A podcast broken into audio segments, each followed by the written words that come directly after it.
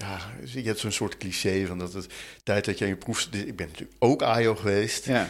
Dat was denk ik echt wel een van de perioden waar ik met het meeste genoegen aan Ja, terug, kijk. op terugkijk. Ja. Juist ook vanwege die monomanie. Ja, ja. En ik herinner me dat ik, de, vooral op het allerlaatst, dat ik echt dro ik droomde eigenlijk alleen nog maar van mijn proefschrift en zo. Het was, maar ja. ja, dat is nu niet meer zo. Het nadeel is dat voor veel mensen, en eigenlijk, ik beschouw mezelf als een soort uitzondering. Op de een of andere manier word ik vaak gespaard bij allerlei dat soort dingen. Maar mensen, als je die in die fase daarna komen, die worden gedwongen om zich bezig te houden met allerlei onzin. Bestuurlijke gedoe, kleine dingetjes, eh, dingen regelen. In het geval van Bertha's bijvoorbeeld, is mijn indruk, ben je vanaf een bepaald moment ben je alleen nog maar bezig met geld aan te vragen voor promovendi. ja. Heb je- Sommigen althans. En inderdaad. Maar laten we dat dan ook maar even beetpakken. Dit doet de universiteit of de wetenschappelijke wereld zichzelf aan. Ja, En in dat opzicht heb ik ook altijd sceptisch gehad als mensen zeiden van ja, ik zou het eigenlijk niet willen, maar mijn decaan wil dat, weet je. Ik zeg niet dat dat nooit gebeurt. Dat, dat is zo. Bestuurders eh, kunnen die druk uitoefenen. Maar denk ik dan uiteindelijk toch, je bent er ook nog zelf bij. En ik heb het grote geluk gehad, maar tot op zekere hoogte kun je dat geluk misschien ook een klein beetje afdwingen, dat ik wel maar altijd eerst heb kunnen afvragen: wat wil ik zelf nou heel graag doen? En dat is een boek over Jacob van Maarland schrijven. Een boek over de Hollandse hofliteratuur. Ja. 14e eeuw, waar niemand op zat te wachten. En niemand ook op vroeg. Maar waar ik gelukkig wel de ruimte voor kreeg om, om eraan te werken. Eh, in dat opzicht gaat de kost ook een beetje voor de baat uit. Dus die mensen die alleen maar doen eh, wat, wat het leger van ze verwacht, de, de hogere de officieren, ja, die zullen het zeer moeilijk krijgen natuurlijk, als, als dat niet past bij wat je eigenlijk zou willen doen. En dat is natuurlijk heel erg te beklagen.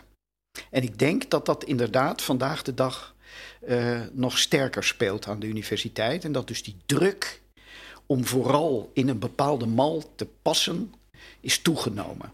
Overigens was in mijn tijd ook niet makkelijk hoor. En Gerritsen, bij wie ik studeerde, die heeft letterlijk een keer tegen mij eh, gezegd: Ik denk erover om weg te gaan, want er is hier niet meer te werken aan de, aan de universiteit. En dat zijn jaren, en daar heb ik hem zes jaar later nog eens aan herinnerd, of tien jaar later, en gezegd: Weet je nog, die jaren, ja, dat waren mijn gelukkige jaren. Ik zei: Nou, je zei toen dat je weg wilde, weet je wel. Met andere woorden, het genus academicus is ook een beetje een, een, een klagend ja. eh, ding. Dit is overigens niet om de problemen die er heel reëel zijn weg te wuiven. En al helemaal niet vanuit mijn eh, geprivilegeerde eh, positie hoor. Maar die, die druk is groot. Maar toch zou ik willen pleiten, hartstochtelijk willen pleiten, ervoor dat, dat ieder van onze collega's zich in de eerste plaats afvraagt: wat zou ik zelf willen? En daarmee naar zijn of haar decaan gaat. En zegt: joh, ik heb nou een idee. En dan zou je nog wel eens verbaasd kunnen zijn hoe vaak bestuurders, ik heb aan die tafels gezeten, denken: nou, laten we hem of haar de kans geven. Eh, zo heeft het, denk ik, altijd wel een beetje gewerkt bij bepaalde mensen. Je moet je wensen ook deponeren. En daar zijn Bertha's dan weer veel beter in dan Alfa's. Uh, er was gezegd van, dat is eigenlijk een variatie op iets wat Kissinger ooit heeft gezegd over Europeanen versus Amerikanen.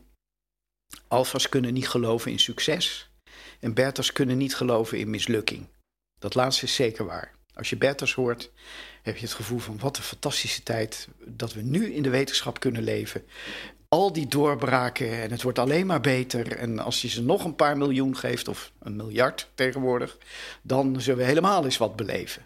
Permanente optimisme vanuit die wetenschappen. Daarmee vergeleken zijn de alfa's natuurlijk, uh, ja, het, het, is niks, het is nooit iets geweest en het zal ook niks worden ook, als je niet oppast. Hè. Daarom houden we ook zo van die romans, ik ook trouwens, die altijd slecht aflopen.